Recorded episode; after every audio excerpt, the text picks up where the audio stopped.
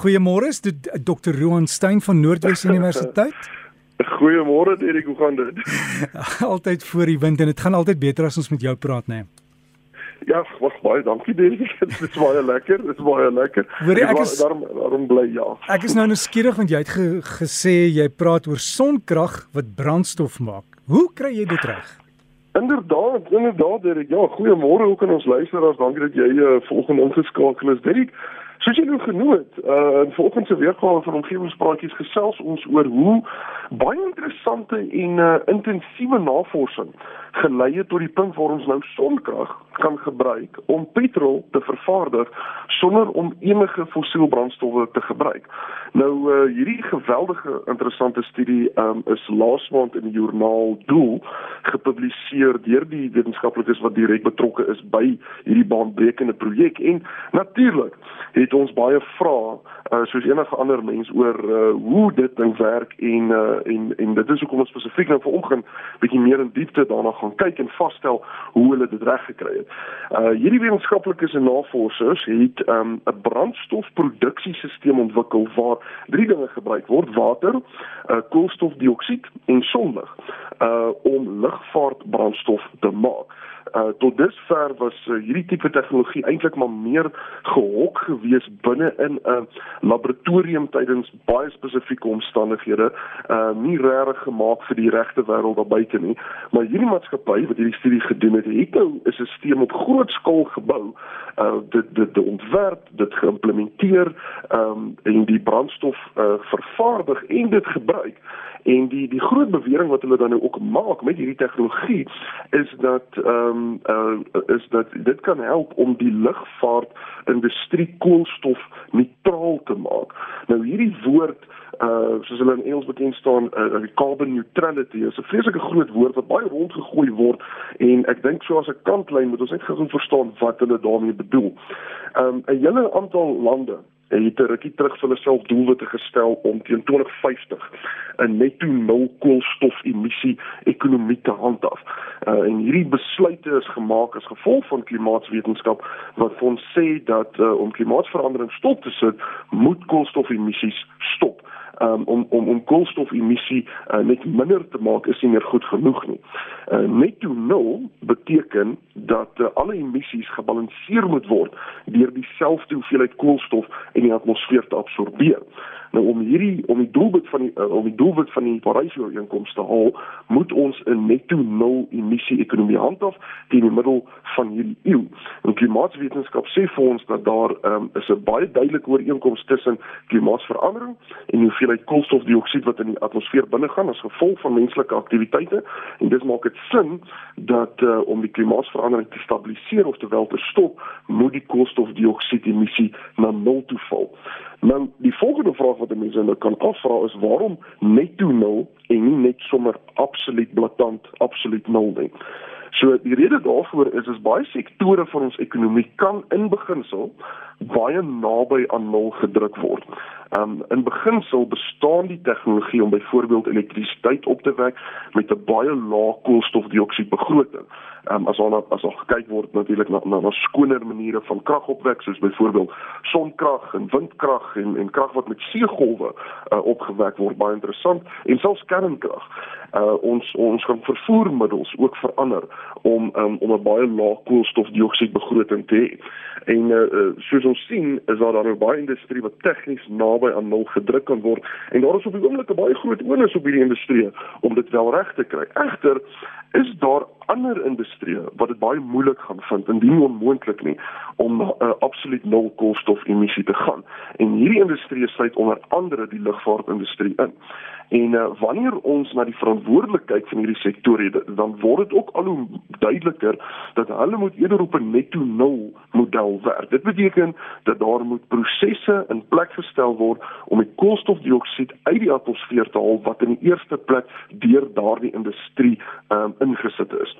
So die lugvaartsektor is verantwoordelik vir ongeveer 5% van wêreldwye se antropogeniese emissies wat klimaatsverandering veroorsaak en um, dit maak baie staat op kerosien of of of, of vliegtuigbrandstof wat tipies van ruolie verkry word. En tans is daar nie eintlik 'n skoon alternatief beskikbaar om hierdie langafstand kommersiële vlugte op wêreldwye skaal uh, uh, aan te dryf nie.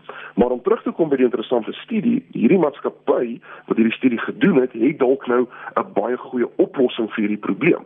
En hulle het die die, die hele termochemiese proses bewys waar water en koolstofdioksied gebruik word om kerosien te vervaardig deur middel van wat ons noem 'n sontoring.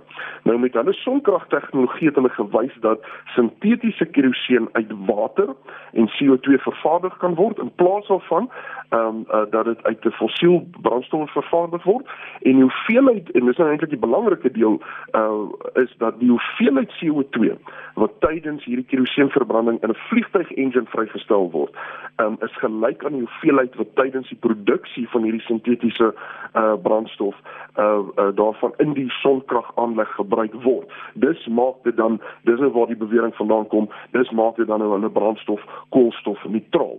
En dit sal nou, nou nog beter wees as hulle daai CO2 direk uit die lug kan opvang uit ander industrieë se CO2 wat nog in die lug hang en dit sal hopelik binnekort ehm um, gedoen kan word. So kortliks, hoe werk hierdie aanleg? Die aanleg bestaan uit 169 sonpanele wat die lig herlei en konsentreer in 'n sonreaktor wat bo op 'n toring gemonteer is en uh, op ons Facebook bladsy het ek 'n pragtige foto daar gaan plaas om baie mooi te verduidelik hoe werk dit.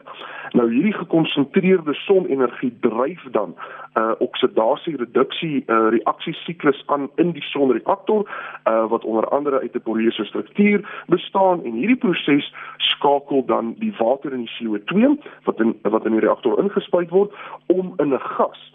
En hierdie gas is dan nou 'n mengsel van waterstof en koolstofmonoksied met CO en dan volgende word hierdie gas dan nou na 'n uh, gas na vloeistof omsetter gestuur waar dit dan nou uiteindelik verwerk word tot uh, die vloeibare brandstof uh, wat kerosien en diesel insluit wat dan nou gebruik kan word om 'n uh, engine aan te dryf. Nou op hierdie oomblik is die hele proses omtrent 4% effektief um, en hulle hoop om dan nou hierdie effektiwiteit na 15% te verhoog binnekort. So so ten slotte Derek, dit is dit is 'n baie interessante studie. Ek dink dit is 'n baie belangrike studie en uh, ek dink ons moet ons definitief ons oë op hierdie tipe studies hou want ons omgewing um sal baie baie baat vind as ons brandstof in die eerste plek kan maak uh deur middel van 'n proses wat wat wat wat eerstens baie skoner is en dan tweedens wanneer daai brandstof gebruik word as dit 'n netto nul effek kan hê. En dit is net een van die duisende maniere waarop klimaatsverandering dan teengewerk kan word in Suid-Afrika en reg oor die wêreld. Ron en dan het ek ook 'n navraag gehad uh oor laasweek het ons gesukkel om met jou te praat toe in Engeland was. En ja, ek het ek het gesê ja. dit was die sonvakkels se skuld want ons het regtig ek het met al my kommunikasie gesukkel en toe gaan op die internet kyk en dit was waar dit was die son. Ja, dit is uh, dis dit is baie interessant uh uh, uh Derek. Ja, dit is uh, wat mense ruimte weer noem. Uh as daar 'n groot uitbarsting op die son is, soos byvoorbeeld 'n sonvakkel, uh dan uh is daar groot is, is dit hoë energie deeltjies wat uh, tussen die son en die aarde beweeg vol, uh volgens die son se magneetveldlyn en uh gewoonlik stop die aarde se magneetveld daarom heelwat van daai deeltjies, maar as dit 'n groot uitbarsting was, dan maak daai deeltjies uh dit uh, tot by die magneetveld tot op die aarde um, en dit kan dan baie kommunikasie beïnvloed. Uh, meeste van ons kommunikasie nou is maar deur satelliete. So uh dit uh, as daai hoë energie deeltjies van die son uh daai satelliete slaan, kan dit definitief die die die satelliete beïnvloed en dit kan die kommunikasie op die aarde beïnvloed. Dis baie soos uh, as 'n mens jou uh, TV aansit of ja, as jy jou TV of jou radio of jou jou jou wifi routeerder uh wil uh, uh afsit tydens 'n uh, 'n uh, donderstorm. Uh, jy wil eintlik hy moet afwees uh want as die donderstorm slaan, uh, dan kan hy dalk iets breek. En uh, dit is maar baie die dieselfde beginsel. Al niks gebreek nie en hy's daarom terug in Suid-Afrika. En dit was Roan Stein betrokke by Noordwes Universiteit met die omgewingspraatjie. En as jy inligting nodig het dit waaroor hy gepraat het dit is op sy Facebook bladsy omgewingspraatjies.